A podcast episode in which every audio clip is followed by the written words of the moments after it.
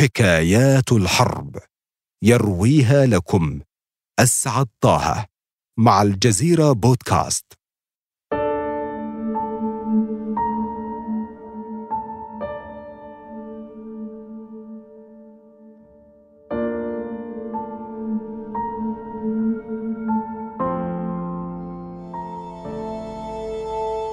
سيرة طفل مقاتل. هل تشفق على الجاني بالتأكيد لا. لكن ماذا إذا كان طفلا ألبسوه الزي العسكري ودفعوه مقاتلا إلى خطوط القتال؟ نعم سأشفق عليه. وسأشفق عليه مرتين. مرة لأنه فقد طفولته ومرة لأنه أفقد الآخرين رغما عنه حياتهم. إليكم ما جرى. استيقظنا في ساعة مبكرة من الفجر وهناك من يحطم باب بيتنا. إنهم يرتدون الزي العسكري. إنهم جنود. أوسعونا ضربا على ظهورنا وأقدامنا ثم أرغمونا على مغادرة البيت ليضمون عنوة إلى ميليشيا الدفاع في جنوب السودان. هكذا تبدأ حكاية جوزيف حينما كان في السادسة من عمره. في بداية التسعينيات من القرن الماضي. يعيش امنا مع عائلته في قرية أدونج الواقعة جنوب السودان قبل الانفصال وقبل أن يصبح السودان سودانين. إنها الميليشيات التي تطالب بالانفصال وفي سبيله تحشد الصغار والكبار. يقولون إن العرب سيقتحمون مدننا ويقتلوننا ويسلبون منا المنازل والأموال. وسنصبح مواطنين من الدرجة الثانية. تهرب والدة جوزيف بصحبة أطفالها الأربعة إلى الخرطوم. أما الطفل وأبوه فقد أجبر على الالتحاق بالميليشيات في معسكرين مختلفين. ينقل جوزيف مع مجموعة من الأطفال إلى مدينة أيتنج في أثيوبيا. يجبرون داخل المخيم على تناول ثلاث وجبات ضخمة كل يوم. والويل كل الويل لمن يتخلف عن إنهاء الطعام. إنهم يسمنونهم ليصبحوا قادرين على حمل السلاح وخوض المعارك. أظن أننا كنا ثلاثة آلاف طفل تقريبا. كان يوضع أمام كل منا طبق به عصيدة ذرة وحساء عدس. ومن كان يتخلف منا عن إنهائه كان يضرب حتى ينهي الطبق. يقضي جوزيف شهرين فقط في هذا المخيم. ينقل ذات صباح مع رفاقه إلى معسكر تدريب عسكري في مدينة أخرى لتبدأ رحلة شاقة جديدة لم تكن في حسبانه. كنا نجبر على القيام بتمارين سير المشاة لأكثر من سبع ساعات في اليوم الواحد. سنسير ثلاثة أشهر على أقدامنا حتى نصل إلى نقاط القتال. لذلك عليكم القيام بتلك التمارين.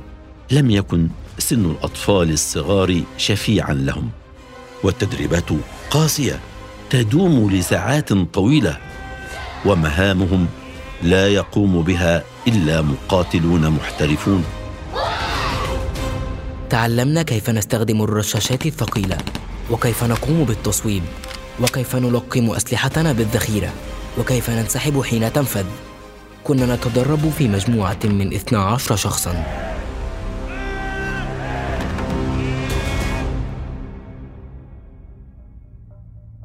بعد وجبة الغداء اليومية يقضي الأطفال ساعتين في مدرسة بلا أقلام أو أوراق وبلا معلمين. كل ما في الأمر أن الضابط يقف فيشرح بعض المعلومات ويكتب الأطفال بأصابعهم على التراب. إنهم يشغلونهم على مدار الساعة حتى لا يفكر أي منهم في الهروب. من سيحاول منكم الهرب سينفذ فيه حكم الإعدام. ستستمعون كل صبيحة قائمة بأسماء من حاول الهرب قبل أن ينفذ الحكم فيهم. مشاعر الخوف والهلع والإرهاق واليأس تصيب جوزيف. لقد وصل إلى نقطة مسدودة. سجن كبير سوف يتبعه الزج به في ميادين القتال. الصغير يفكر في الانتحار. يرفق الله به. في أحد الأيام يفاجأ بوالده وقد أتوا به إلى نفس المعسكر. يسمح لهما باللقاء. يتعانقان إلى حد البكاء. لقد دبت الروح من جديد في جسد الصبي. ركضت نحوه وأنا أبكي. عانقني بشدة. سمحوا لنا حينها بالجلوس معا لبعض الوقت. عليك أن تتحلى بالصبر يا بني ولا تيأس. فالله سيرعاك دائما. تمضي ستة شهور. يحين الآن وقت التغيير الأكبر. يرتدي زيا عسكريا ويتقلد سلاحا ثقيلا ويحمل سلة بها ملابس مدنية. لقد أصبح جوزيف بالفعل مقاتلا رسميا في ميليشيا جنوب السودان. يرسل إلى شرق إكواتوريا ليكون ضمن كتيبة من ثلاثين مقاتلا. ثمة خبر سعيد. والده ضمن المقاتلين تحديدا ضمن خمسة رجال كبار. أما البقية فهم أطفال من أعمار متفاوتة. يكتشف المقاتل الصغير لاحقا أن كل ما عاشه من قسوة في شهور التدريب لا شيء إذا ما قورن بما يجري له الآن. يجبرون على السير عبر مناطق القتال لخمس ساعات والنوم ساعة واحدة. ثم السير مجددا خمس ساعات أخرى.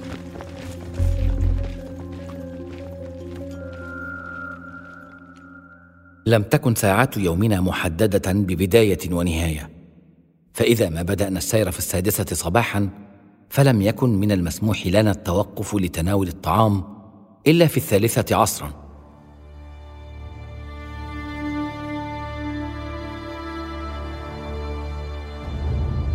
يحين وقت المعركة الأولى. هو ووالده يقاتلان معا كتفا بكتف. وإذا صمتت البنادق قليلا يظلان جنبا إلى جنب. لعلهما يتبادلان الذكريات قبل أن ينتزع من بيتهما وتتشرد العائلة. يستمر الأمر على هذا الحال عدة مرات. لكن الأمور تتعقد. الدبابات تهاجم قوتهم. يحارب جوزيف حتى يفقد قدرته على حمل السلاح. يحمل والده سلاحه عنه ويأمره بالهرب من تلك البقعة المتفجرة. تكتب لهما النجاة. لكن في المعركة التالية يقع ما لم يكن في الحسبان. سبقتها ليلة صعبة ومرهقة. يبدأ إطلاق النيران في الثانية فجرا وبشكل مفاجئ. تفزع المجموعة ويحاولون تفادي الهجوم العنيف المفاجئ. تشرق الشمس تخترق رصاصة قناص رأس والده. يسقط على الأرض بجواره هامدا بلا حركة. أي شعور يمكن أن أصف به حالي؟ وأنا أرى والدي يسقط ميتا بجانبي. توسلت حينها للجنود في المجموعة أن يساعدوني على حمل جثمانه. وابعاده عن خطوط القتال الأمامية. لكن الجميع رفض. في النهاية عاونني بعض من زملائي صغار السن على سحب الجثمان ووصلنا به في نهاية اليوم إلى مقر القيادة. ودفن جثمان والدي بحلول الليل. يصيب اليأس جوزيف بعد مقتل والده. يفكر في الانتحار. لكن صديقه يشد من ازره يحدثه عن زملائهم الأطفال الذين فقدوا حياتهم في تلك المعركة وعن النجاة التي كتبها الله له. يعود مجبرا لممارسة مهامه القتالية ضمن ميليشيا جنوب السودان. تحتد المعارك وتشتد يستمر الحال حتى العام 1995 كنا نقاتل في تلك المواجهات ونعرف في داخلنا أنه لن يأتي أحد لإنقاذنا ابدا. تسوقهم قياداتهم إلى معركة هي الجحيم. تحاول السيطرة على مدينة بلينيانغ. تفشل ويسقط في تلك المواجهة ألف مقاتل من زملائه. من قتلوا في تلك المعارك كانوا محظوظين فحينما تخسر لا تتمنى أبدا أن تسقط أسيرا. لو أنك تملك ثلاثين طلقة رصاص فعليك التأكد من استخدام تسعة وعشرين والحفاظ على رصاصة أخيرة. حتى إذا ما حاول أحدهم إيقاعك في الأسر قتلت نفسك. يكبر جوزيف وتزداد معاناته. يصير فقدان والده وأسرته وزملائه اقسى على نفسه من ذي قبل. يتوسل مرات ومرات لقياداته لتسريحه وإعفائه وإطلاق سراحه. يعاقب على ذلك بترحيله عبر عدة مدن في جنوب السودان. لكنه لا يفقد الأمل. يصادف في انتقالاته صديقا قديما يدعى رياك. له علاقة قوية وجيدة مع قادة المجموعات. يطلب مساعدته وينجح صديقه في إطلاق سراحه. ينزع جوزيف عن نفسه أخيرا زيه العسكري. إنه الآن حر لأول مرة منذ سنوات طويلة. يساعده صديقه في تهريبه عبر الحدود ليصل إلى مخيم للاجئين شمالي كينيا تابع للأمم المتحدة. أخيرا يصبح بعيدا عن الحرب. يحصل على مكان آمن للنوم والطعام. يلتحق بمدرسة. يتعلم الطهي ويبدأ في إعداد وجبات الطعام له ولرفاقه. يحصل على أصدقاء جدد. ويبقى على هذا الحال لأربع سنوات. يسافر بعدها إلى العاصمة الكينية نيروبي. يرغب في الالتحاق بكلية لكنه لا يملك المال الكافي لذلك. يجمع كل ما يستطيع ويقترض من آخرين ويطلب من الكلية تخفيض قيمة المصروفات. تستجيب الكلية له ويلتحق بها بالفعل. الكثير من الأمور تغيرت حينما درست في تلك الكلية. استطعت التعامل مع الصدمات التي مررت بها عبر سنوات حياتي الماضية. وقررت أن أساعد كل من عانوا مثلما عانيت. بالفعل يبدأ جوزيف في مساعدة السودانيين الذين فروا إلى كينيا. تهيج مشاعره وذكرياته. يحاول تقفي أثر والدته وإخوته. لكنه للأسف لا يستطيع الوصول لشيء. لقد اختفى أثرهم تماما ولا يعرف مصيرهم. إلى هنا تنتهي الحكاية. غير أن حكايات الحرب لا تنتهي ابدا. أسعد طه. استمعوا إلى بودكاست حكايات الحرب عبر Apple Podcast و Google Podcast و SoundCloud. فقط ابحثوا عن الجزيرة بودكاست وشاركوا الحلقة مع أصدقائكم.